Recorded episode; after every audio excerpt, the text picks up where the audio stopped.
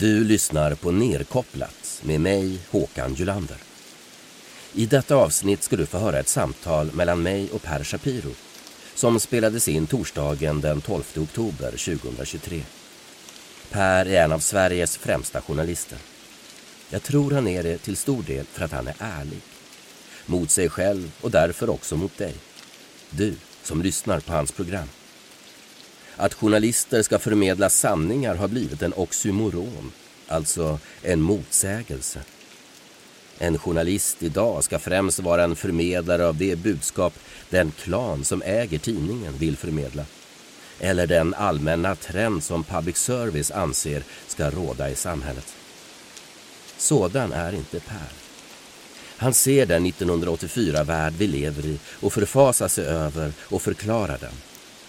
Därför har han genom Folkets Radio blivit mycket uppskattad för sina noggranna och sanningssökande program. Per Shapiro gör alltid reportage som betyder något, som lär ut något nytt, som nyheter ska vara. Som granskar makten, både i det stora och det lilla. Men nu sätter vi igång. Får jag presentera Nerkopplat med Per Shapiro.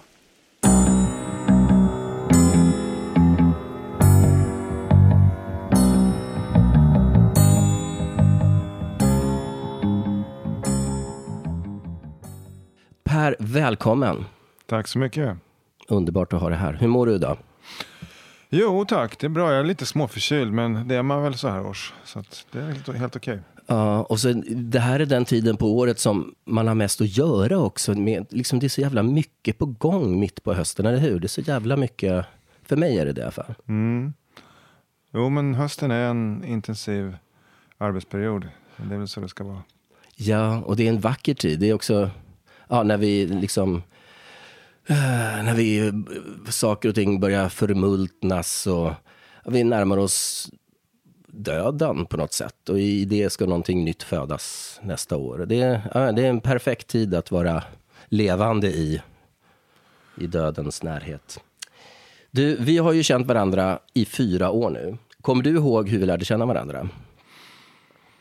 Ja, du skrev ett brev till mig, var det inte så? Skrev jag ett riktigt brev, alltså som jag postade på lådan? Ja, alltså ett fysiskt brev. Ja, jag, nästan. För jag letade ihjäl mig efter mejlet. Och då kom jag på, men fan jag var så grym att jag skickade ett riktigt brev. Men eh, det var väl, ja. För att varför jag gjorde det är ju för att uh, du hade skrivit en artikel i Aftonbladet om Russiagate och hela den galenskapen. Och jag satt i min ensamhet och trodde jag var helt ensam i världen och har de här åsikterna om hur galet det här är. Vilka att vi lever i en sån förvriden verklighet. Och så hade, skrev du en artikel i Aftonbladet om, om just detta. Kommer du ihåg den artikeln? Ja, jag, jag kommer ihåg den av, av två skäl faktiskt. Uh, dels var det, var det egentligen min första skrivna artikel någonsin. Det kan låta konstigt som en mångårig journalist, men jag har liksom varit så mycket inom just radio och lite inom tv. Så jag har liksom aldrig riktigt skrivit någonting. Och det där var den första gången som jag bara fick att det bara föll mig in att jag ska skriva en artikel, jag ska skriva den för Aftonbladets kultursida. Och det andra var att det var första gången också som jag lite grann hamnade i onåd på Sveriges Radio. För att jag eh, blev uppringd efter den där artikeln av HR. Eh, som tyckte liksom att jag hade uttryckt mig så ja, subjektivt och politiskt och jag hade ju kritiserat eh, Demokraterna för den här mm, totalt, att de liksom spelade med i den här galna, det här var ju en konspirationsteori. Men det var en konspiration? ja, Eller ja, en konspirationsteori ja, om, om Russiagate. Ja. Och att, att Trump och Putin hade samarbetat och sådär. Ja, för den som inte kommer ihåg, de, de hade Ja, storyn gick väl att eh, Trump hade kissat i sängen där Obama hade legat med massa moskva Nej, nej utan, utan, utan, eh, utan det var så att Obama hade tydligen bott i det hotellet och då hade Trump fått en sån här wet shower som det heter. Alltså haft liksom Moskva-hookers som hade kissat på honom. Då, ja, i, i, i Obamas rum, var det inte? I, i, den, I den säng där Obama hade varit. Ja. och då hade det filmats av, av ryska underrättelsetjänsten. Och de, så de hade liksom kompromat, de säger på ryska, kompromat på, på Trump då. Så att han var i princip radiostyrd från Moskva. Just det. Eh, men, Ja, vilken men, underbar, tänk att få tag på den tejpen. Den borde man ju göra. Nu går det väl att göra med AI, att göra en sån. Men i alla fall, så då, då, då, då blev jag uppringd och, och, och sa liksom att, för jag, och jag var inbokad och vikarierade på sommaren. Och sa de att det kanske är bättre att du inte gör det, att du inte vikarierar här i sommar. För att, eh, så att det var liksom, ja, jag hade översett en gräns. Så det, det, av den anledningen så, så, så kom jag ihåg. Jag kan ju säga, jag, blev, jag, jag skrev ut, jag hittade, jag letade jättelänge i datorn för att hitta det här. Det var ju inget mejl. Jag kom tänka, ja just jag skrev ett brev. Så jag, men jag hittade liksom textfilen. Jag ska läsa upp lite vad jag skrev. Jag skrev, jag blev så oerhört glad över att du som en etablerad svensk journalist som jobbar för Sveriges Radio, utropstecken, vågar skriva något som borde vara så uppenbart för svensk media som att Russiagate var en gigantisk paranoia, uppstånden i ett land som inte vill se sanningen att Trump var populärare än en osympatisk och krigshetsande oligark från Clinton-familjen. Den aspekten har jag aldrig tidigare hört i svensk mainstream-media. Det har tagits som en sanning, även i programmet Medierna, att ryssarna bland annat låg bakom Wikileaks utgivande av DNs demokratiska partiets mejl, något jag tror är högst tvivelaktigt. Men skitsamma vem som har rätt, det finns inte ens en antydan i svensk media om att det kan förhålla sig annorlunda än vad New York Times och CNN och de andra hävdar. Och bla bla bla. Jag tycker att svensk media bara är en simpel megafon för New York Times och liknande. The Guardian sprider sin konspiration om att Corbyn är antisemit. Detta är för mig ofattbart att svensk media inte ifrågasätter. Var finns antikrigsvänstern idag? Margot Wallström stöder kuppen i Venezuela och står bakom att en helt okänd politiker som Guaidó ska få makten. Och hon är socialdemokrat. Jag hatar dumhet och fördomar. Amerikansk exceptionalism ekar även i våra medier. Alternativen är försvinnande få för att ingen vågar. Jag vågar inte, men jag är inte heller journalist. Ja, så fortsätter jag. Det är ett hyllningsbrev till dig för att jag blev liksom blixtförälskad i det du skrev. Vad, vad, nu pratar jag väldigt mycket här, men tillbaka till dig. Kommer du ihåg den här tiden? Alltså det, det känns som en oskyldig tid. Ja, det, det gör det ju faktiskt. Alltså, det har ju varit så oerhört mycket vatten under bron sen dess. Men, men det intressanta med det här med Russiagate är ju att allt tal om konspirationsteorier, vi pratade lite om det innan vi satte på bandaren, hur det har blivit vår tids ord för kättare, hur det liksom, man använder för att stämpla människor. Men mainstream har ju ingenting emot att själva driva konspirationsteorier när det passar vissa agendor. Och Russiagate är ju ett klockrent exempel på, det uppfyller ju alla tänkbara kriterier på en konspirationsteori. Eh, men ja, det, det, det är på något sätt ändå som att det, det är från en, en svunnen tid. Det, man får nästan nypa sig i armen att det bara var fyra år sedan. För vad som hände efter Russiagate var ju covid. Och eh, det förändrade ju allt på hur jag ser på världen och, eh, och samhället. Ja, min, min tilltro, min, mitt samhällskontrakt är brutet helt enkelt. Men hur, hur förändrades du som journalist och i din, i din gärning efter, ja, efter det här med, med Russiagate och covid och, och Ukraina som kom sen? Jag vet inte om det förändrades så mycket i min gärning, men det som förändrades var väl att jag eh, 2021 i början startade Folkets Radio. Och då har jag inte längre någon redaktör som, som korrigerar eller talar om för mig att det här är, ska du inte publicera eller det här kan vi inte se eller så. Så att eh, jag har blivit mer otyglad, om man säger så. Eh, Hur känns det? Alltså det känns bra. Jag, jag är väldigt tacksam över att ha eh, en egen plattform. Sen ibland så tror jag att man mår ganska bra av att ha en sträng redaktör också eftersom eh, det, alltså man, om man ser tillbaka på liksom program som jag har gjort för Kaliber i P1 till exempel. Så ibland blir man ju helt, de slår ner en verkligen i skon, skorna eh, med 50, 11 olika kritiska synpunkter. Och så tänker man herregud, men sen när man går igenom allt det där så ser man att programmet blev ändå bättre tack vare det. För att de, de, ja, det är så en kritisk redaktör ska vara. Och, och, även om man är sin egen kritiska redaktör så är man aldrig så kritisk som, man, som en, någon med, ja, med fräscha ögon är. Men, men de programmen du gör för Folkets Radio, det är ju som typ kaliber i liksom eh, i, i dramaturgin och så. Va? Det är, tycker, de, de håller sig till 45-50. Det tycker jag är fantastiskt. De är inte för du skulle kunna förlänga dem hur mycket som helst, som många av alternativmedierna på i bloggar och poddar gör. Ja, det. De är väldigt eh, tajta och fantastiska. Uh, ja, roligt att du tycker det. Det som är skillnaden är ju dock att med Kaliber då, då kunde man ju jobba ibland tre, fyra månader, ibland ännu längre, med ett enda program, ett enda ämne som man förkovrade sig i. Sen var det väldigt frustrerande att man bara skulle få göra 30 minuter. Eh, man hade så otroligt mycket material. Eh, här kan jag ju inte förkovra mig så mycket i ett enda ämne, då skulle det bli tyst i, i Folkets Radio väldigt länge. Utan det bygger mycket på att jag intervjuar andra människor som har förkovrat sig i någonting som, som eh, jag bedömer att de är trovärdiga och så får de vara med och, och berätta. Så det är en skillnad. Hur, hur mycket har det förändrats? Om, för du har ju varit på mm, Sveriges Radio och S, Sveriges Television också. Ja. Ja, länge. Ja, sen. Hur, liksom, rent eh, liksom, vad man får prata om. Du kände du av eh, det? Att det, den vändningen, när kom den i sådana fall? Ja, det har blivit väldigt mycket mer styrt eh, och det har kommit successivt undan för undan. Det blev mycket mer så under under coronan. Då.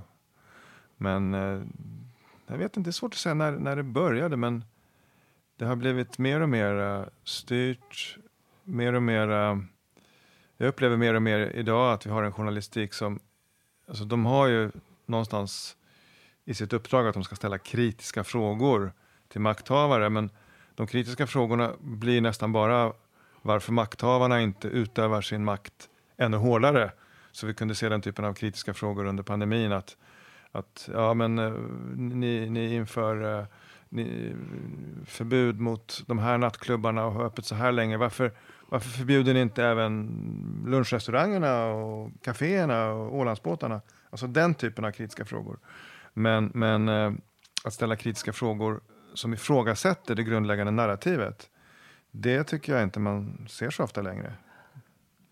Man brukar säga att det är narrativet som styr fakta nu för tiden, inte fakta som styr narrativen. Det är liksom, var det inte så att när coronan kom så, så, så vände sig ännu fler människor till Dagens Nyheter och, och Sveriges Radio för att det, var, det finns sån oro i, i, i, våra, i det här teknokratiska samhället. Så att jag har för mig att liksom DNs intäkter och liksom digitala klicks ökade någonting otroligt?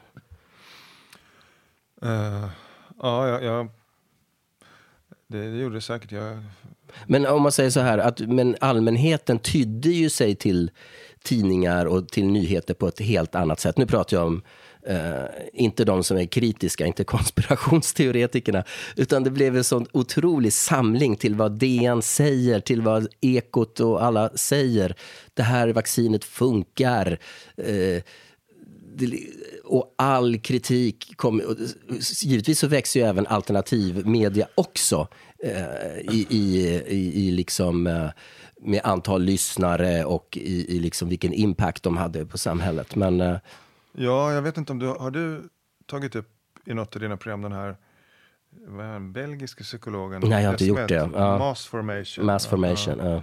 Och det han beskriver, det är ju, han beskriver det intressanta med, med honom är att han beskriver även vilka förutsättningar som måste föreligga innan en mass formation kan äga rum. Och då beskriver han ett samhälle där många människor går runt med en sorts existentiell ångest som kommer sig ur en, en känsla av meningslöshet. Att många människor känner att vad är meningen med mitt liv, med det här jobbet, med den här Touché. relationen kanske. Och då, och då är det väldigt frustrerande för att du, du känner en ångest, är ju en form av rädsla.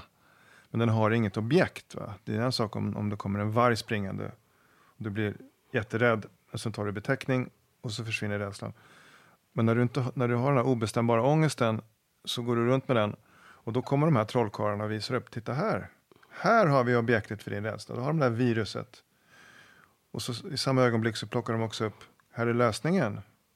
Och då skapas det liksom, som han pratar om, en new social bond. Det blir en, en ny sorts solidaritet. Och då plötsligt så så får livet mening. Va? Vi kan tvätta händerna, vi kan hålla avstånd, vi kan ta vaccinet. Så blir man en del av, av, av liksom, bekämpa den här ondskan som visar sig att det var det som var föremålet för ens rädsla. Liksom, och, och, ja, I den mån man köper hans teori. Men det, det är väldigt skickligt. Äntligen får vi göra något tillsammans. Ja. En revolution. En, ja. Ja, tvätta händerna i 30 sekunder.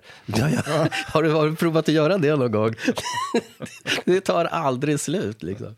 Nej, och, och, det där fortsatte ju sen med Ukraina, Ryssland, hur vi alla skulle stå på stackars Ukrainas sida. I, i, det fanns ju ingen som helst eh, kritik mot, eller någon slags eh, analys av vad som verkligen ligger bakom det här hemska kriget. Och nu är det Israel-Palestina. Jag tror allting började, eller för mig, min känsla är att det verkligen satte igång med Brexit 2016 och sen Trump. Då blev det fel. Det skulle inte ske. Det var fel.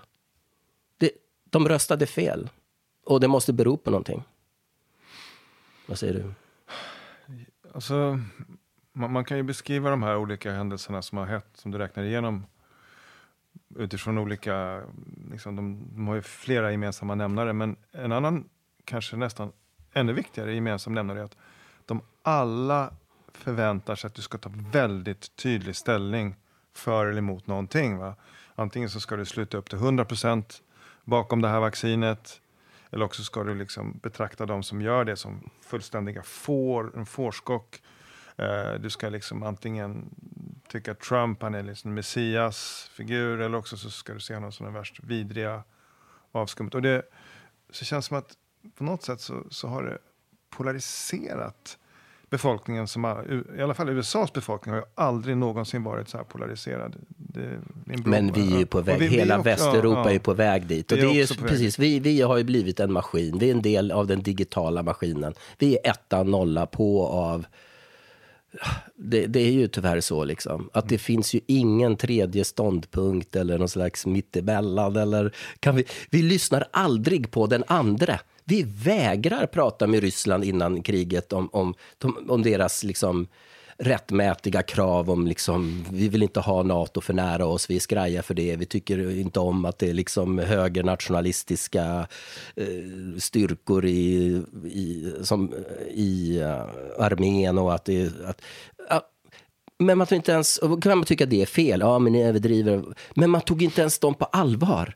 Man tar inte palestinier på allvar, de har inte gjort på ja, 70 år det finns bara, och det, det är någon sån enorm hybris i, i vårt, uh, vår, vårt teknokratiska, västerländska och kanske hela, hela världens liksom, olika uh, starka stater. Vad, vad säger du om det? Ja, men jag, jag, jag tänker just det här med, med polarisering, att, det, att allting blir så extremt. Alltså, man skulle kunna tänka sig att Ja, men du har tagit vaccinet, jag har inte gjort det. Ja, du tycker om Karl Johan-svamp, jag tycker bättre om kantareller. Man behöver inte vara så himla blodigt. Men idag så, så blir allting... Ett, en förklaring till det här, tror jag, en delförklaring är väl också de här antisociala medierna. Att folk sitter där i sina ekokammare och så hör de liksom bara ett eko av de ståndpunkterna som de själva då för stunden har anammat. Och sen så blir det då de andra är någonstans i någon annan bubbla. Och så har det blivit så att uh, det, det, känns som att vi blir spelade hela tiden utifrån att delas in i, i olika inbördes hatande varandra-läger. Uh. Eh. Ja, det är klart tydligt att det är så. Men eh, och vad ska man göra åt det då? Jag, för, för, min del, jag jag kanske går för långt åt ena hållet, men jag lyssnar ju aldrig. Jag får ju panik när jag lyssnar på när jag läser. Jag kollar på DN och jag har liksom på Twitter så kommer det fram mainstream media. Men liksom att lyssna på nyheterna. Sen 2016 har jag lyssnat på nyheterna, gjort en tokig liksom. Och då, då hamnar man ju en annan, då hamnar man i en ekokammare av liksom att man kanske blir så här konträr, eller vad heter det? Man bara tycker tvärtom och så blir man en det, det, är så himla tragiskt att man har tappat förtroendet för... Och det, det försvann ju helt med coviden. Men du, ja. om, eftersom vi är konspirationsteoretiker, i alla fall du jättemycket. Vad, vad, alltså är det någon, känner du att det är liksom Klaus Schwab i World Economic Forum, att det är Rockefeller och att det är de här stora elitfamiljerna som bestämmer detta? Eller är, kommer, är det här ett Kommer det från hur vi är som människor liksom, och hur, vad tekniken har gjort med oss? Eller liksom, är det inifrån oss eller är det liksom ovanifrån? Vad för något? Det här att, att att, att media är styrt, att vi ska bli rädda, att vi, covid, alla de här vaccinpass och att uh, alla de här reglerna och att vi ska vara rädda och att det inte, finns, att det inte tillåts någon uh, vetenskaplig uh, öppenhet. Ja, men om, om, jag ska svara på din förra fråga och indirekt besvara den här frågan så, mm. så, så fråga vad kan man göra? Mm, det, jag har tyvärr inget bra svar, men i den, en utopi, liksom, i den bästa av världar, så skulle människor se att bortom den här polariteten så styr samma krafter bägge sidor. Det är samma krafter som styr de Demokraterna som är PK, woke, eh, PK, du vet vänstern i USA mm. kallas för woke, mm. som styr Donald Trump, den här vulgära eh, populisthögern. Mm. Det är exakt samma bankkarteller och militärindustriella komplex Eh, och ja, Blackrock, de äger det mesta i Ryssland, de äger det mesta i Ukraina. Mm. Alltså att kunna se bortom det här att vi har samma gemensamma egentligen fiender. Eh, och i det skulle det kunna finnas någonting försonligt. Mm. Eh, eh det var som någon sa, tänk vad, tänk vad härligt det skulle vara om, om, om, om makten förklarade krig och ingen dök upp.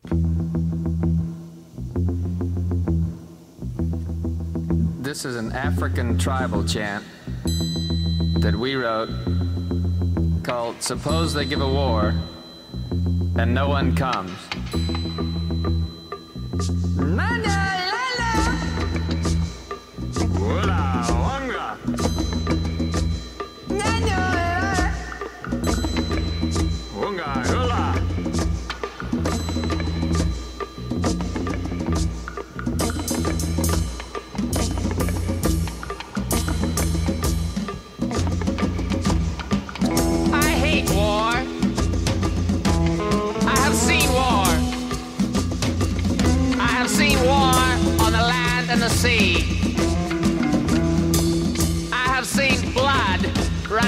great.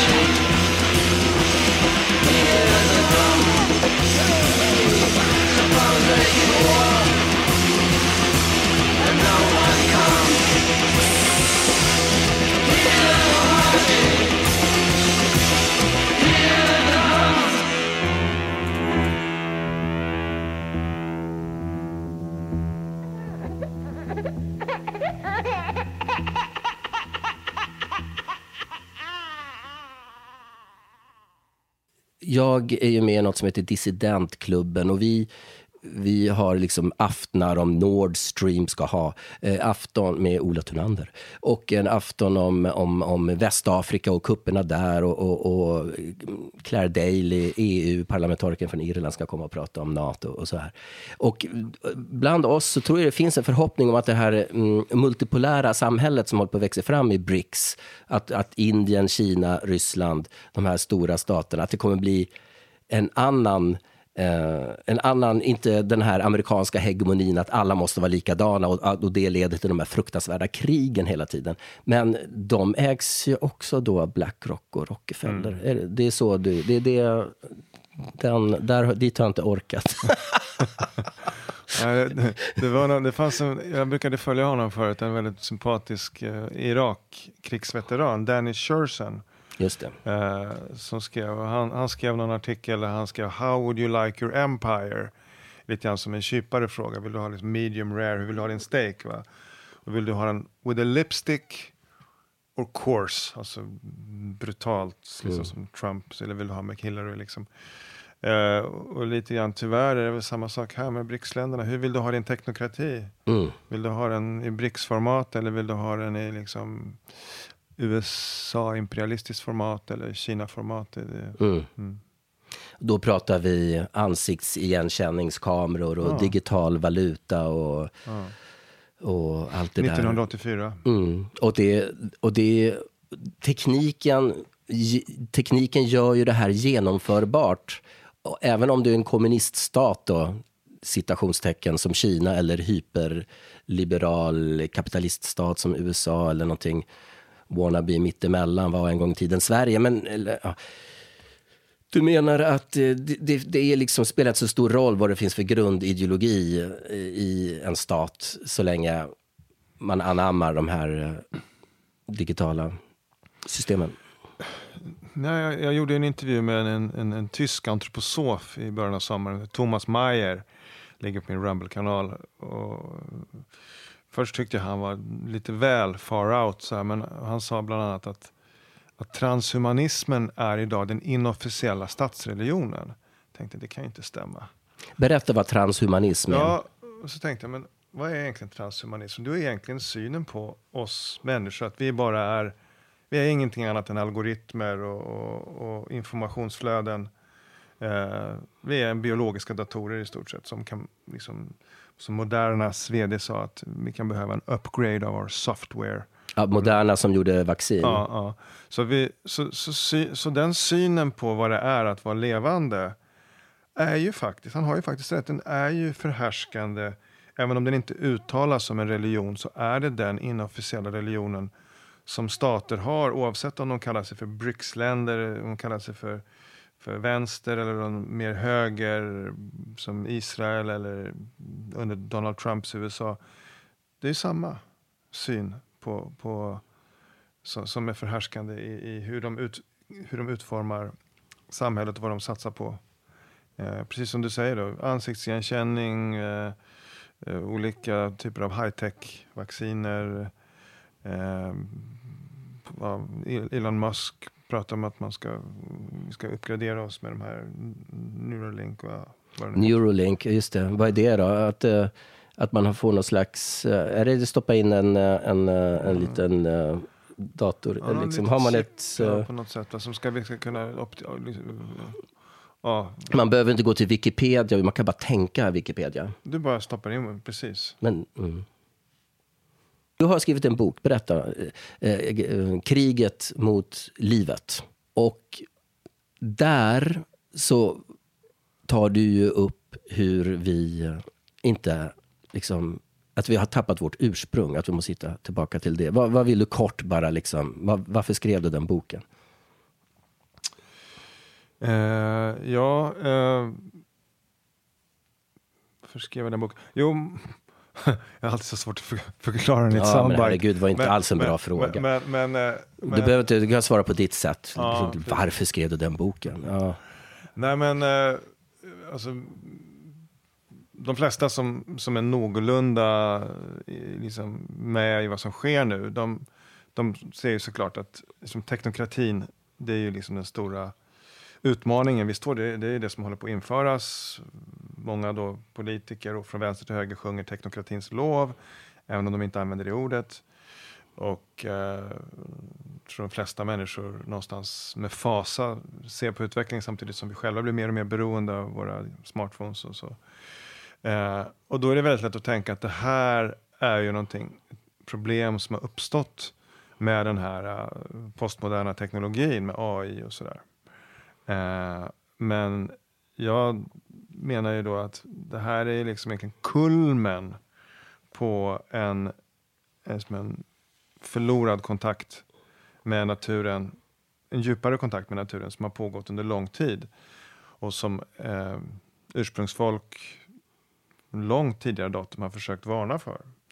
Eh, så att eh, hur lång tid är det? Är det från industriella revolutionen eller är det sen, i krist, ja. sen romarna införde kristendom? Ja, alltså så, så långt, långt tillbaka. Det, det, det är liksom hur man ser hur det kommer in eh, en sorts eh, ett sorts fjärmande från, från naturen. Det börjar egentligen med att man från då religiöst håll förklarar att den här världen är inte helig längre. Den är rent av kanske syndig. Det gudomliga finns någon annanstans långt där borta. Sen finns det olika varianter på det såklart. Eh, men eh, undan för undan så har, så har vi förlorat den här kontakten och sen så har det då blivit att man pratar så mycket om vänster och höger, höger-vänster. Men båda de eh, två ideologierna är ju egentligen sprungna ur det som jag i boken kallar för en dominanspräglat förhållningssätt till naturen. Eh, alltså där man ser naturen som en resurs som ska bemästras.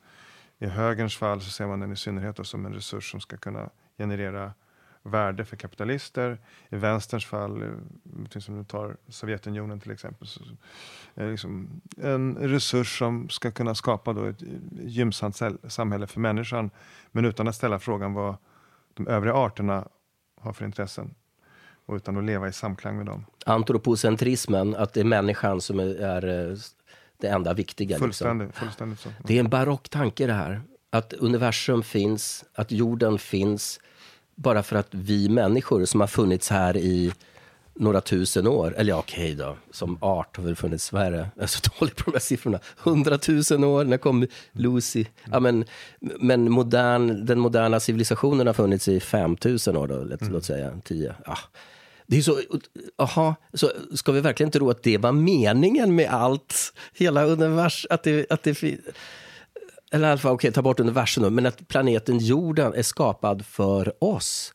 Vi finns ju här för att det måste ju finnas någon mening med att vi är här och det är väl att liksom sköta den, hålla den snyggt, liksom lite parkförvaltning känner jag. Eller kanske att utvecklas i samklang med, med allt annat liv på jorden. Eh, vi kan besjunga jorden. Alltså vi kan göra sånger och njuta av den och liksom kommunicera det. Alltså det är ju någonting, det är ju sån jävla gåva vi har fått. Och det är en sån otrolig fattigdom också att, att bara begränsa sitt, sin kultur och sitt umgänge till människor. Ja. Ja. Ja, vi har ju husdjur och vi har liksom älgjakt och, och parker och, och... Precis, vi går ut och skjuter på djuren en gång om året när det är säsong. Ja, ja men det tycker jag är okej okay. om, om man äter upp djuren mm. och, och, och liksom slaktar dem själva. Det är ju bättre det än att liksom köpa en införpackad mm. gris. Nej, men sen också en till sak när du frågar om min bok. Då, var, mm. jag, jag brukar ju...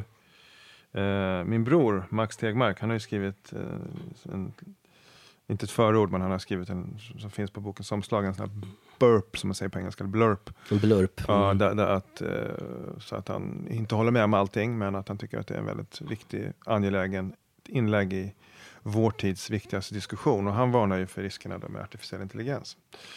Och när han säger att inte håller, han inte håller med om allting, det är en sån meningsskiljaktighet som vi har, det är just i synen på, på intelligens. Eh, för han, han mäter ju intelligens utifrån, han definierar det som förmågan att uppnå komplexa mål. Så till exempel, eh, tar en dataprogram som spöar skiten ur dig i schack. Mm. Ja. Och sen så kan det finnas då olika sådana här områden. Och till slut så, så, så närmar vi oss en punkt nu när de, den ChatGPT den skriver bättre uppsatser än vad du gör. Den är bättre än dig på snart allting. Och så kan man säga att den är intelligentare än vad du är. Men då mäter man hela tiden intelligens utifrån individualistiskt, vad en viss enhet kan prestera. Men som, som du säkert också tänker på naturen så tänker du inte på den som olika enheter utan du tänker på det som en väv. Mm. En enormt komplex väv som går way beyond någonting som vi kan förstå. Vi snackar Och om, Gaia. om, om du då tänker dig att du skulle formulera intelligens utifrån det, okej, hur pass väl kan AI eh, sköta en regnskog? Då skulle du se att den har en ganska begränsad intellektuell förmåga. Men, men i och med att man bara mäter den då utifrån individuellt, och det här trädet kan inte spela schack, det här, alltså, då, då framstår det som en sån otrolig, nästan gudomlig kraft som, som vi har blivit så förförda av. Mm. Eh, och det har ju också tror jag, att göra med att vi har förlorat kontakten med intelligensen i naturen, även på en djupare ceremoniell eh, nivå. Man borde ha ett annat ord för det tycker jag. För intelligens, då blir det liksom, det är så mänskligt. Man, Ja. borde, man skulle ha, ha ett annat ord Vis, för det. visdom. Ja, visdom. visdom ja. ja. Men då tänker man också på människor. Nej, men bara, alltså, jag har, Tänker du vist gammalt träd? Ja, Vis. Gör det det? Absolut, en vis, skogens visdom. Jo, men det kan, ja, visst, jag ja, kan tänka så. Men liksom i... Ja, ja. Jag tänker också så här att, att det, det är också en sån här, eh, om man då ska prata om skillnaden mellan visdom och intelligens, så skulle jag säga att den har det, det är inte så mycket bara en förmåga om performance, alltså vad du kan åstadkomma, utan det har att göra med din upplevelse. Så jag brukar jämföra med om du har eh, friska celler eller cancerceller. Mm. så kan det ju faktiskt framstå enligt den här, en, en, en- standardmässig definition av intelligens som att cancercellerna är mer intelligenta. De, de åstadkommer ju det de ska göra mycket snabbare effektivare. De växer snabbare. Men så skillnaden är inte egentligen i, i, i, i, någon form av bedrift utan skillnaden består i en upplevelse.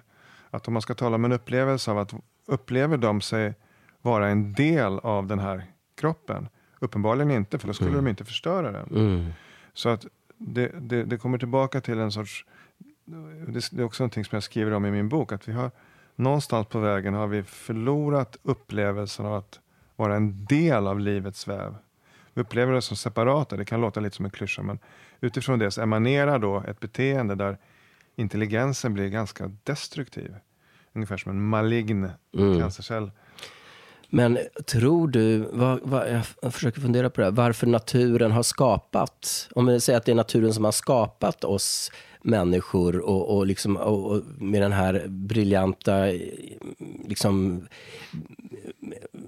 vi kan liksom göra ma magi, eller dumt att använda det ordet, men vi kan göra fantastiska saker när vi brukar olja och, och så här, för att på något vis eh, förstöra planeten, eller för att den ska liksom starta om på nytt, att vi rebootar den för att använda en datan. Varför har vi skapat, för vi är ju en cancer, vi är ju en, en, en, en tumör som sprider sig exponentiellt över Det är bara att ta, om du flyger och ser ut över liksom hur det ser ut. Det är liksom monokulturer överallt och gigantiska städer och liksom vägar och liksom det är Jag skulle inte säga vi, för det låter så himla eh, kollektivt beskyllande. Jag skulle säga att det finns ett Ni. beteende som är förhärskande i vår kultur. Som är extremt cancerogent eller malignt. Som du, jag tycker det är en väldigt bra bild som du beskriver när man flyger i de här landskapen. Det ser ju ut som cancer. Istället för, för, för att se den enorma mångfalden som naturen är, så är det som några kvadrater av, ja. av, av olika... Eh, så att det, det är ju... Men är vi på något sätt, eh, Och- eh, finns vi till för att ta koll på oss själva? Eller är, det liksom, eller är, är vi någon slags cancer, eller är det någon behandling? Kanske teknologin är någon sorts gudomlig behandling som gör att cancercellerna dör, för vi tar död på oss själva. Och så kan naturen själv läka. Ja, jag, min, min bok då, den heter ju eh, Kriget mot livet och så har den undertiteln då Hur vi manipuleras av arkontisk intelligens. Det skulle kanske behövas ett, helt program i sig själv bara för att förklara vad det är för någonting. Då. Men det, det är ju då någonting som eh, ordet kommer från gnostikerna eh, som var för kristna världens shamaner bland annat. Och eh, de beskriver det som ett sorts tankevirus, någon, någon sorts intelligens som kommer in som inte är en del av evolutionen. Eh, och som har då en inverkan på oss att få det här maligna beteendet.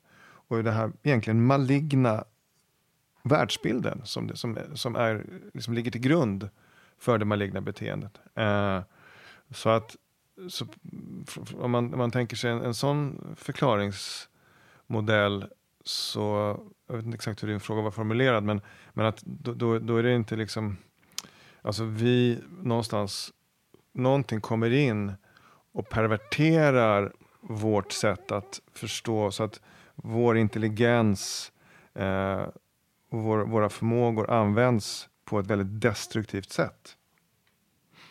Ja, och, och var kommer det ifrån? Alltså, den här, du pratar om eh, det här biofobiska budskapet, den falska kopian.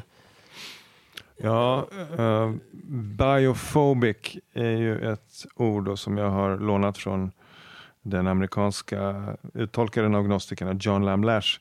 Jag tycker det är väldigt bra. Biophobic, man kan säga på svenska biofobiskt. Att man är biofob, att man är liksom skräckslagen mot det biologiska? Eller, som, eller hur ska man?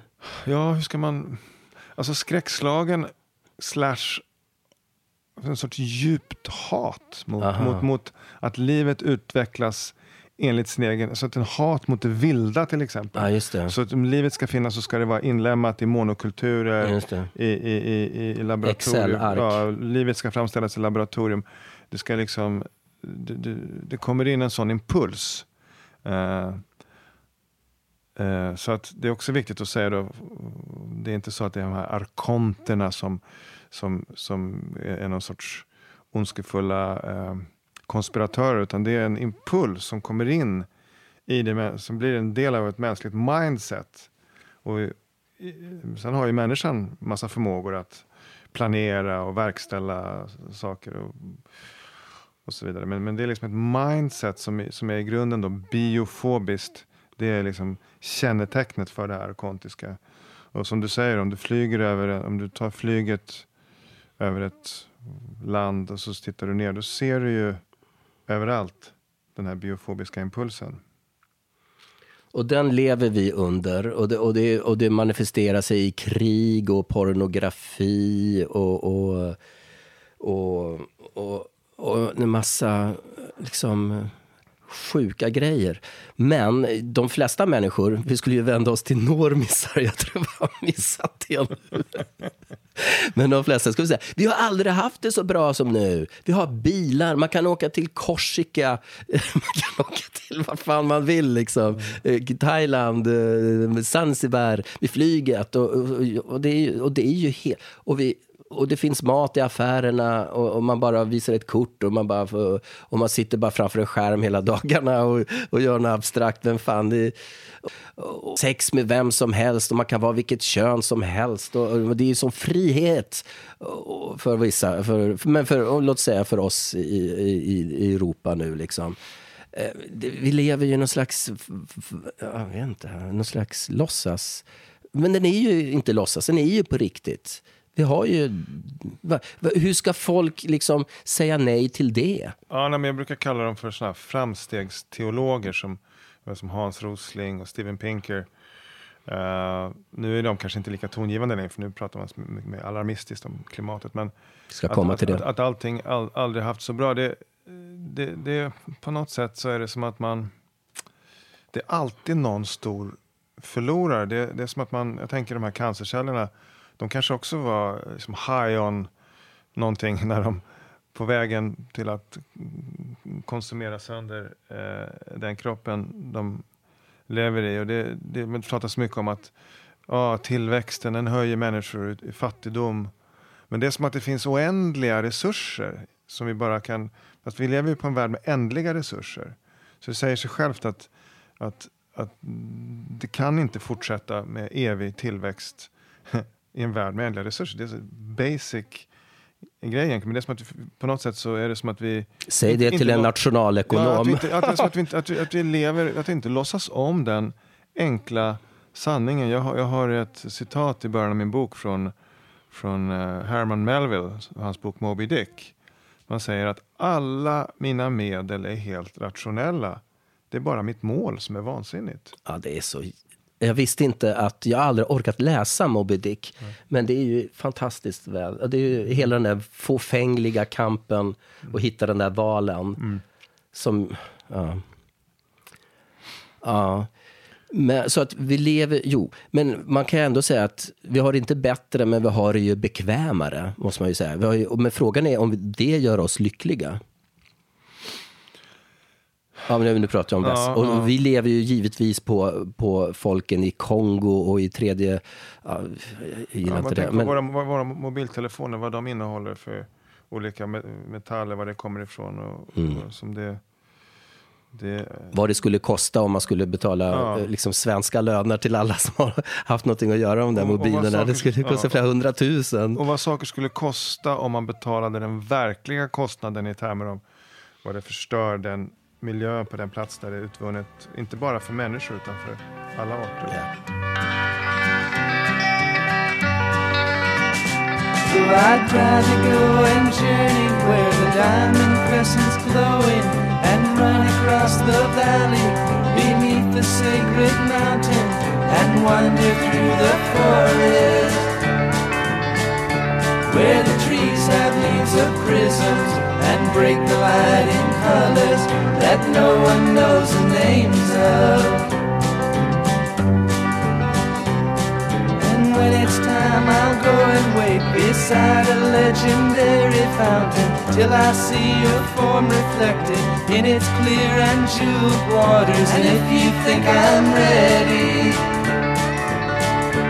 you may lead me to the chasm where the rivers of our vision flow into one another.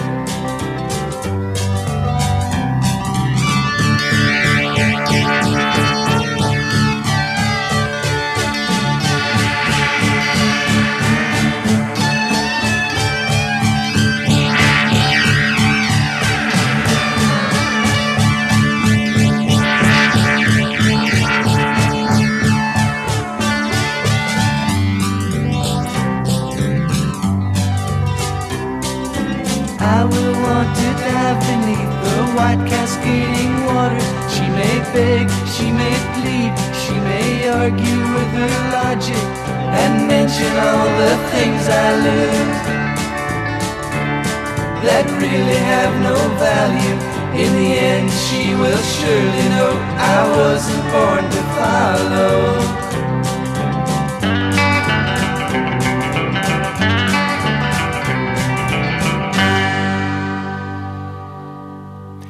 Ja, och här sitter vi nu i, i konungariket Sverige, i Mälardalen. Och, eh, och jag har en massa mikrofoner här och sladdar som går upp i kristallkronan för att de inte ska, vi ska gå på dem. Och, och det är en stor jävla Mac-dator och en ljudstudio. Och, och, och vi, vi lever de här... Vi, vi, lever ju, vi vet ju att...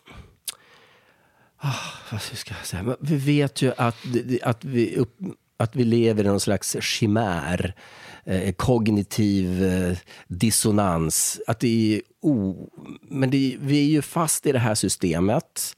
Eh, kapitalistiska systemet. Man köper nya tekniska prylar hela tiden, uppdaterar sin mobiltelefon. Och hur gärna jag än vill att man inte skulle ha någon mobiltelefon så är man ju ändå... Jag måste ju lyssna på mina jäkla geopolitiska poddar och vad fan det nu är, musik och sådär.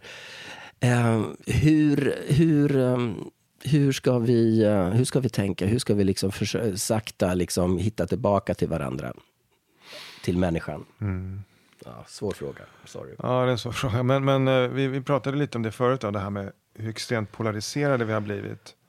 Och en förklaring till det är ju att på något sätt så pumpas det hela tiden in en verklighet i våra psyken som några andra har liksom genererat. Du ska ha den här uppfattningen om de här sakerna. och Du ska hata de här människorna som har en annan uppfattning.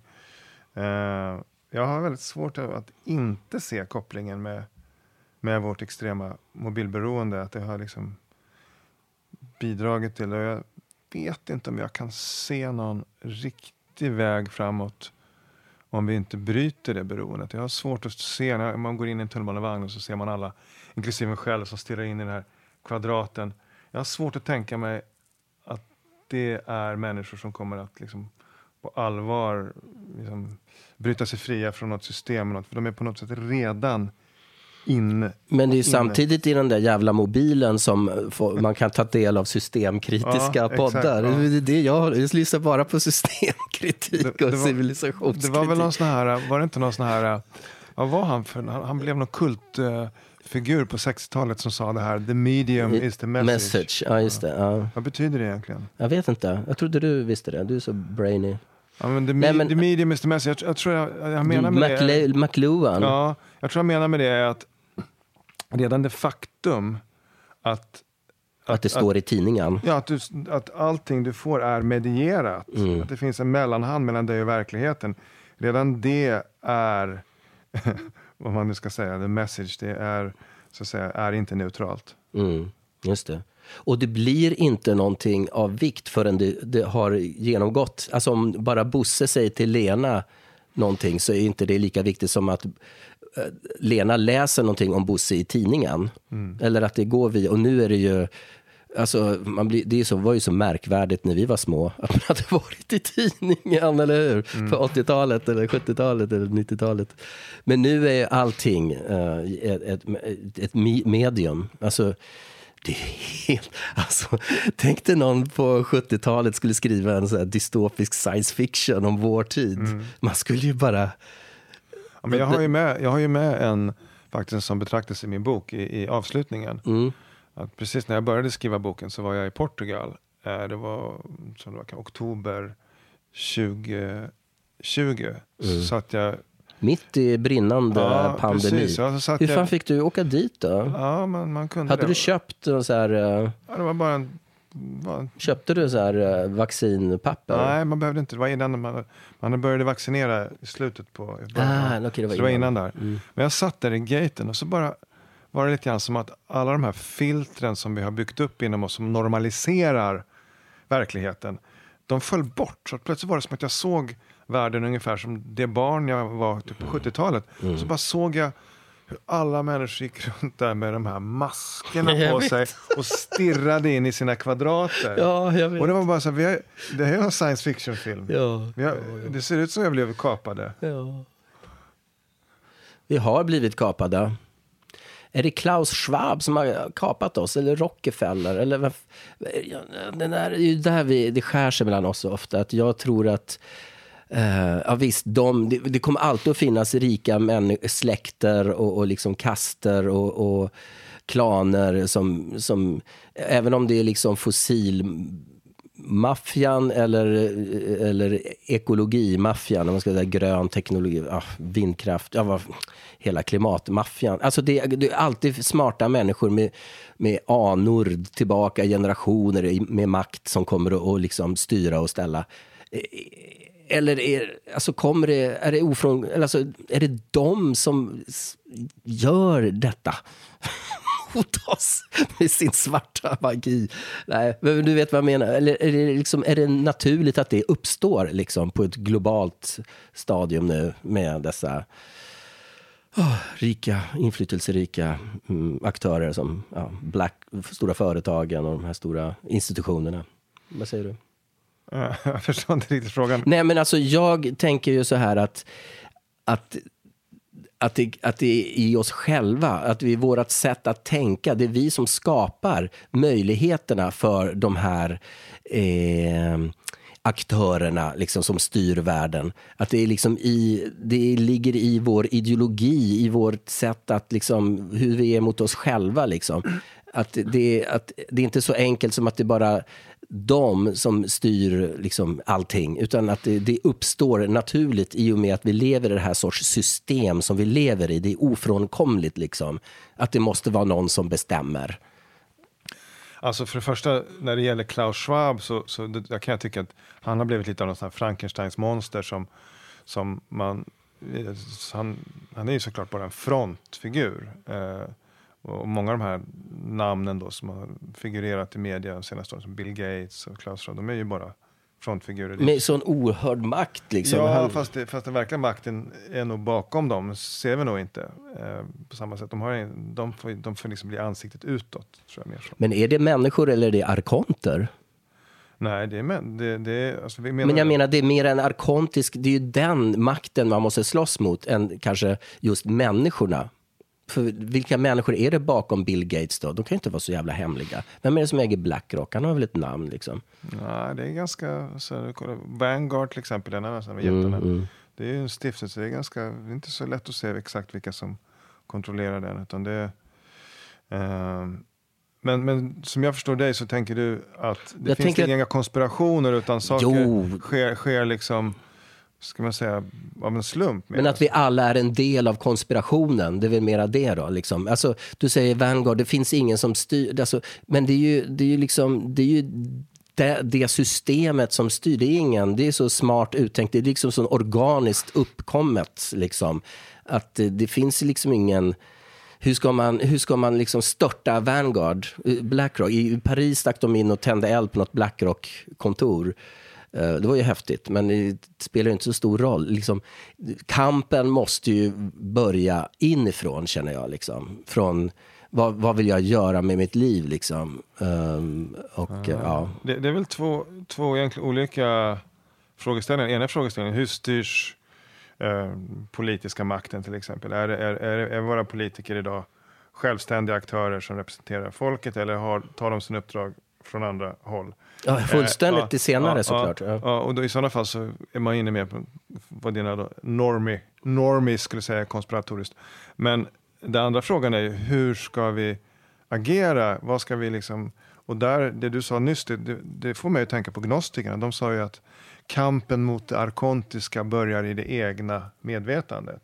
Det är där vi har att se hur vi själva har blivit infiltrerade och påverkade av den här Eh, liksom, eh, så att man måste börja med sig själv. Eh, Ja. Så att det, det är egentligen, jag skulle säga att det är lite, två, kanske för mig i alla fall, lite separata frågeställningar. Mm. Du, vi måste prata klimat. Jag har lovat att eh, höstens upplaga av Nerkopplat ska ha tema klimatförändringar. Svälj. Eh, um, men jag kommer ihåg den tiden när jag var som mest uh, miljömedveten. Vi, hade, vi, gjorde av med, vi, hade ingen, vi kraschade bilen, det var inte medvetet.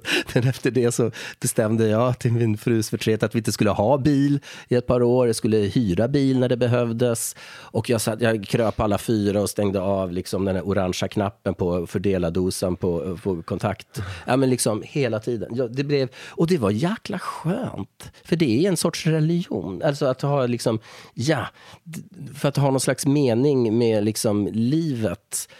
Eh, eh, och, eh, men sen nu på senare år har jag börjat eh, tänka om lite grann. Att det är ju ändå...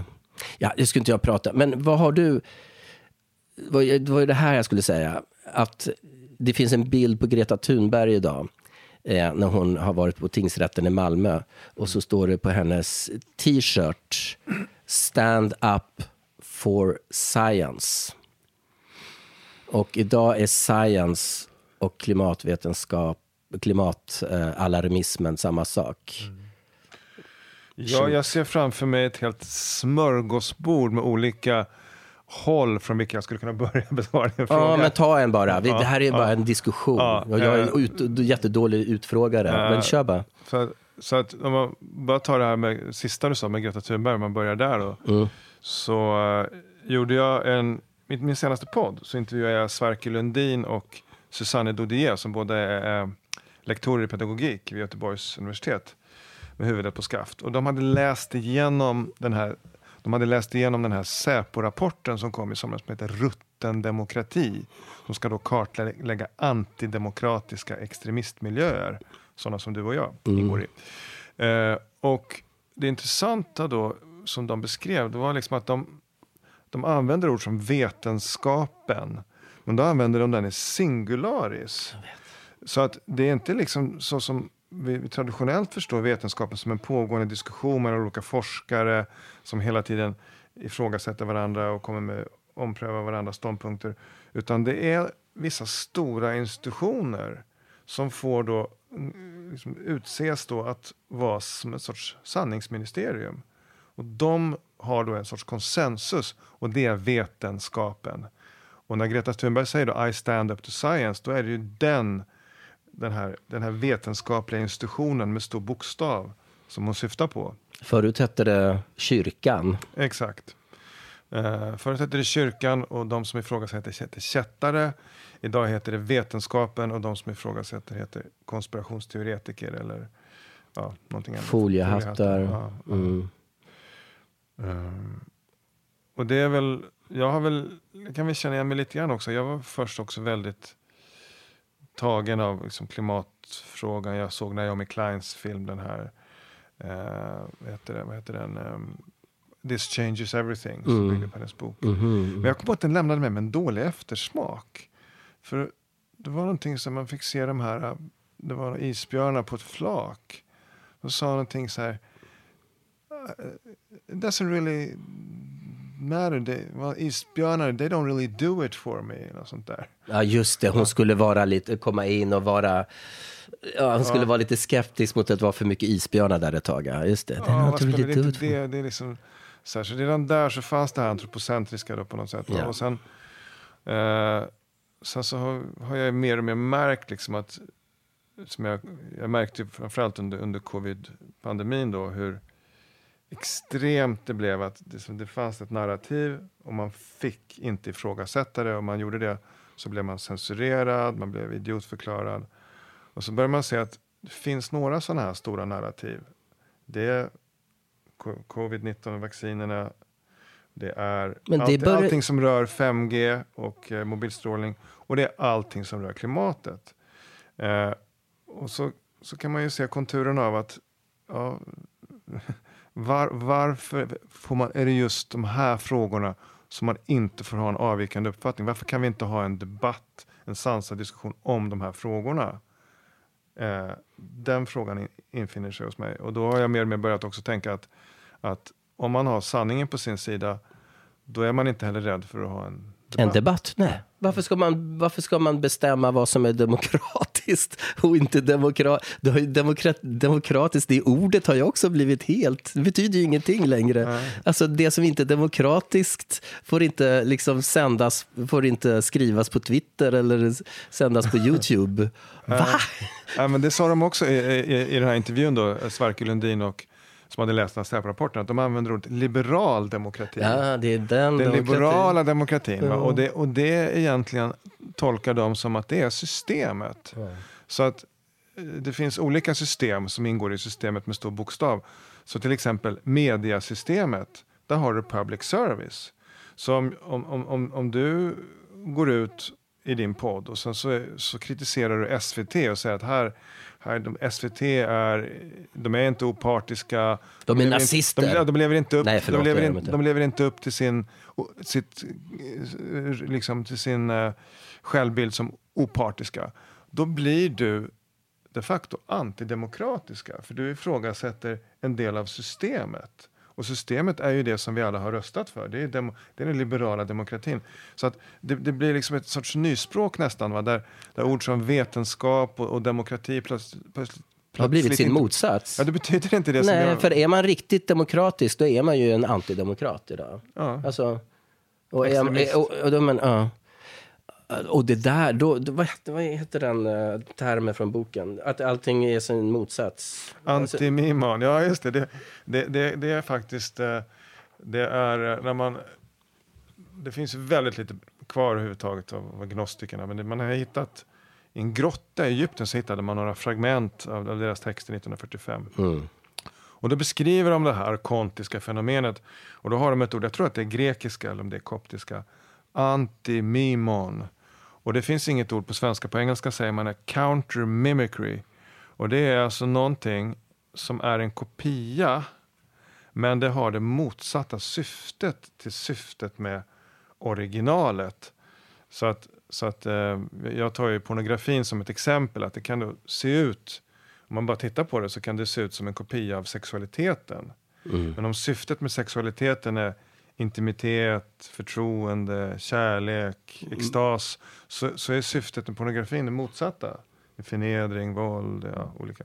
Mm. Eh, och eh, ja, så lite grann så kan man ju se som att här blir de här begreppen nästan också som antimimon. Det är liksom som ett demokratibegrepp som har det motsatta syftet egentligen till vad vi tänker på som demokrati. För du tänker på det som att man ska kunna kritisera vad som helst, hur som helst, som man vill, och, inklusive det system som vi är en del av.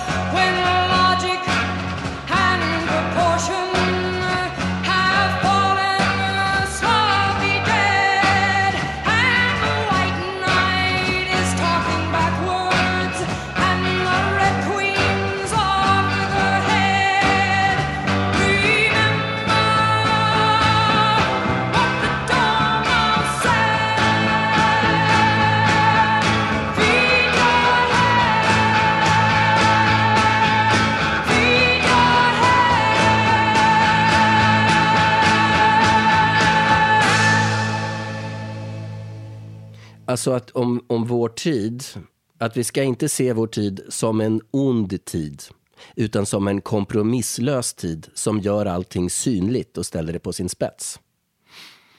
Ja, eh, jag tänker om man... Där du började intervjun så pratade du om vår artikel för den här artikeln jag skrev för snart fyra år sedan. Va? Och allt som har hänt sedan dess. Och ett sätt att se på det är ju liksom att oj, det är så mycket ondska som har manifesterat sig med den här enorma, det som skedde under pandemin när man tog ifrån oss så mycket av våra fri och rättigheter och sen all polarisering och all, all propaganda och allting sånt där. Eh, men man kan också se det som att plötsligt så blev allt det här mycket mer synligt för oss. Eh, att egentligen så är det samma krafter som styr världen idag som styrde världen 2019 och 2018. Och så, men, men det har blivit mycket mer synligt och det har också blivit på ett sånt sätt att varje människa ställs inför någon sorts vägval om man vill, vill se och också då ta konsekvenserna av det i sitt liv, i, i sina val.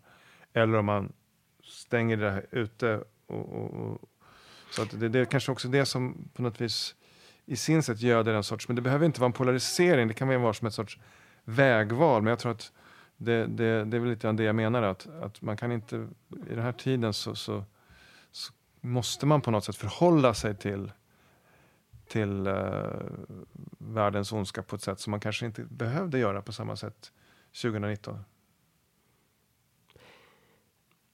Alltså jag tänker Jag tror ju fort, att de flesta fortfarande tycker att vilken, vi var fantastiska. Vi, vi, vi, vi fixade ett vaccin och vi slog tillbaka pandemin. Och vi är fantastiska som stöder Ukraina och de kommer, Ryssland kommer att uh, dö. Och, och, och vad det nu mer är. Och Trump kommer, Biden kommer att, Demokraterna kommer att vinna. Jag vet inte vad folk... Men folk tro, folk uh, har ju, en- liksom, tror ju på detta för att det är så tryggt att, göra det. Eh, jag, eller känner du, vad, vad krävs för att få en kritisk massa av liksom, människor som, som eh, har vaknat nu då, för att ha detta lite flummiga ord som är lite jobbigt att säga, eh, till, eh, ja, som, som framförallt covid, pandemin väckte hos människor att, ja, det här som jag sa, att samhällskontraktet är brutet. Liksom. Vi, eh, vad krävs för att göra någonting av det? Liksom? Du ska ju ha en liten träff ikväll på Blå Lotus med människor som har läst din bok och som gillar dig och det du skriver. Det har börjat bli en liten rörelse. Är, är det någonting som, vad hoppas du på det? Nej, det är bara en social sammankomst. Men, men, ehm, Ja, det Alltså, var det- Jesus i början också, kanske. Hans, Jag han och hans inga- polare. har sådana paralleller. Okej. Eh, nej, men, men eh, alltså den här kritiska massan, hur stor behöver den vara? Det är väl det som är frågan. Man kan i alla fall säga att den har all, det har ju aldrig varit så många som, som det blev nu under pandemin. Som, jag tänker också, vi, vi nämnde ju den här Mattias Desmet. Den här Desmet. Desmet, heter han så? Mm. Desmet, ja. Att han beskriver det lite grann som att det finns tre kategorier i samhället. Det finns en kategori som ganska tydligt tidigt såg igenom att det finns massor av lögner här. Det här är inte vad det utger sig för att vara. Eh, och som började ifrågasätta och som inte blev massformerade. Och så var det då en grupp som blev totala, liksom, som han menar nästan som zombier. De, de bara all in, liksom, vad, vad, vad, vad, vad, vad, vad liksom, ge mig nästa spruta och liksom kavla upp. Men sen också finns det då en tredje kategori i mitten som någonstans kanske känner att det är något konstigt. Som är, det här är inte som det ska vara. Men så samtidigt så finns det också ett motstånd att man tänker på konsekvenserna på sin arbetsplats. Man vill, inte, man vill helt enkelt inte ta, ta steget ut i vildmarken. Och den här tredje kategorin eh, behöver ju då ta steget till den här första kategorin. Liksom, det är det som sker. Men det är väl i alla fall trösterikt att det finns så pass det finns kanske lika många idag som är ändå någonstans det man kallar, jag gillar inte heller ordet vakna, men som är då så totala, liksom bara tro på allting som serveras från mainstream media. Jag tror kulturen har liksom en sån enorm eh, potential att förändra saker och det är där det måste ske. Och det finns, jag är ju jätteengagerad i Assange och, och pressfrihet och, och ordnar eh, möten och skriver dikter varenda gång det är demonstration och, och, och sådär. Men jag, och, skälet till att jag gör det, det är ju för att ingen annan vill eller vågar. Det finns ingen musiker, etablerad poet eller skådis som ställer upp på något så självklart som att vi ska ha en, en fri press. Alltså, det är ingen som vågar, för det är emot eh, alltså, marknadsvärdet på ens personlighet och bla bla bla. Eh, eh, ah. Men när man väl kommer över den gränsen, då kan det ju börja hända grejer. Liksom. Det ska ju, vad säger du om det? Ja, jag tänker på det här med kultur först. Jag, jag hörde att till exempel den här ökända irländska frihetsrörelsen IRA då, som kallas som hemska terrorister, att bara 2% ungefär av deras kamp var väpnad kamp.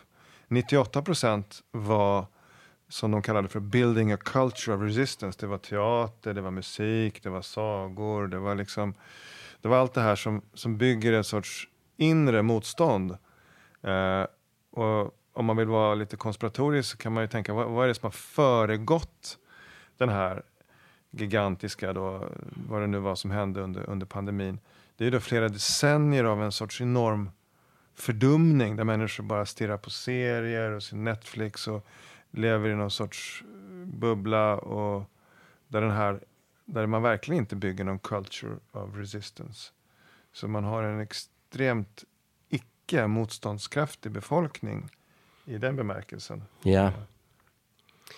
Ja, vi måste, vi måste starta nya skolor och um, omprogrammera. Äh, jag skojar bara, det var ett jättedåligt ord. Men visst, jag, jag, vi gick ju fortfarande i en ganska okej skola. Jag ju, har ju inga barn själv, så jag vet inte hur det är idag. Och du har ju barn som är vadå, runt 10, va? 14 och 18. går 14, fort. ah, är så gamla nu? Okej, sorry. Men eh, hur, du har ju följt deras skolgång. Hur, hur har det förändrats från, från din tid? Nej, men det är tyvärr det är jättemycket. Alltså, digitala har, har verkligen tagit sig in. Dels är det en massa master vid skolorna, så det är en väldigt osund miljö att vistas i. Och sen så får de läxor och på sina paddor. Och jag tog upp det faktiskt på ett föräldramöte när, när min son gick i sjuan, tror jag det var. Med hans klassföreståndare. Så sa jag det, liksom, att vi som, som är hans föräldrar, vi för ju en ständig tjatkamp. Att lägg bort skärmen, liksom sluta. Vi vill inte att du ska sitta med din telefon och med din skärm. Men sen så, ni, ni uppmuntrar ju det här. Han får ju läxor som han ska sitta med sin padda. Så vad, ni, den här digitaliseringsvurmen. liksom, vurmen. Och jag kommer ihåg hon sa så att ja, så det har du rätt Jag, Jag vet alltså, det, faktiskt inte varför riktigt, men det, det bara kommer ovanifrån så att det ska vara så. Ja, men det är ju så. Vi är fast i ett system. Det borde, nu när vi älskar friskolor och sånt där, det borde väl finnas något så här anarkoprimitiva friskolor där man inte får ha paddor. Förut så var ju Waldorfrörelsen lite av den. Eh, jag gick i en Waldorfskola. Precis Och de, de, de varnade för tv-tittande till exempel eh, tidigt och så var emot det och sådär. Motorsågsmassakern och sånt. Ja, men överhuvudtaget tv, att man, att man skulle få sin verklighet serverad utifrån. Man skulle bygga upp sin inre fantasivärld. Men eh, idag så finns det väl en del hardcore Waldorfskolor, kanske ute i Järna lite så. Men jag tror att många av de större skolorna har blivit ganska mainstreamade. Eh, jag vet inte hur mycket de har kvar av de här idealen, liksom, och hur mycket det så. Men, men det var ju i alla fall en, en, en motkraft som har blivit också väldigt demoniserad på sistone med olika dokumentärer på SVT bland annat. Ja, just det. De fick väldigt mycket pisk, den här skolan i Järna. Ja, ja, just det. De höll bara på att gunga och, och, och det var farligt. Och... Men det är säkert, det är väl ingen skola. Alltså det, är, det, egentligen, det sjuka är att vi har skolor, att barnen tvingas vara i en institution i 15 år nu eller vad det är. Liksom. Det är så bisarrt, det passar ju verkligen inte alla. Ha, nej, nu börjar jag, nu vet jag inte. Vad vill du delge mänskligheten? Ja, det låter som du ger ordet till en profet här. Det är det sista, Du är- det du har blivit- börjat ja, bli det. det. Det vill jag inte. Det, nej, det, det, jag inte vara. nej, nej. Ja, men jag, jag kommer tillbaka till det jag sa innan om att, att eh, jag tror det var Lenin faktiskt, jag brukar inte citera Lenin, men jag tror att han sa en jäkligt bra grej under första världskriget. Han sa så här, jag skulle vilja uppmana alla soldater att rikta sina vapen mot sina egna herrar.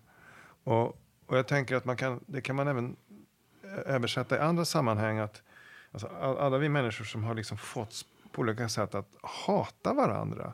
Att försöka gå tillbaka till att förstå vad är det för mekanismer i massmedia, i olika gadgets, sociala medier, men, som får oss att hata varandra. Vad är, vilka är det som tjänar på det? Och kanske liksom utifrån den frågan också kunna börja se ett mönster att vi kanske hatar helt fel personer. Vi kanske har gemensamma fiender egentligen. Och där i tror jag kanske att det finns också eh, kanske finns eh, fröet till någonting väldigt försonligt. Per Shapiro, Folkets Radio. Tack så mycket för att du kom. Tack för att jag fick vara med. Du har lyssnat till Nerkopplat. En analog apoteos i en digital death trip. Musiken du hört var West Coast Pop Art Experimental Band med Suppose They Give a War and No One Comes. För den som undrar var det uttrycket kommer ifrån så är det från den amerikanske poeten Carl Sandburg från diktverket The People Yes. Nästa låt var The Birds, Wasn't Born to Follow och sen White Rabbit med Jefferson Airplane. Stöd gärna nedkopplat med en swish på nummer 123 647 0694. Jag har varit så jäkla dålig på att publicera program så jag ber er inte att prenumerera. Men eh, vill ni det så går det bra. Jag lovar att snart komma med nya program som tar upp det som höstens tema skulle handla om, klimatförändringar. Tills dess, gå med Gaia så hörs vi.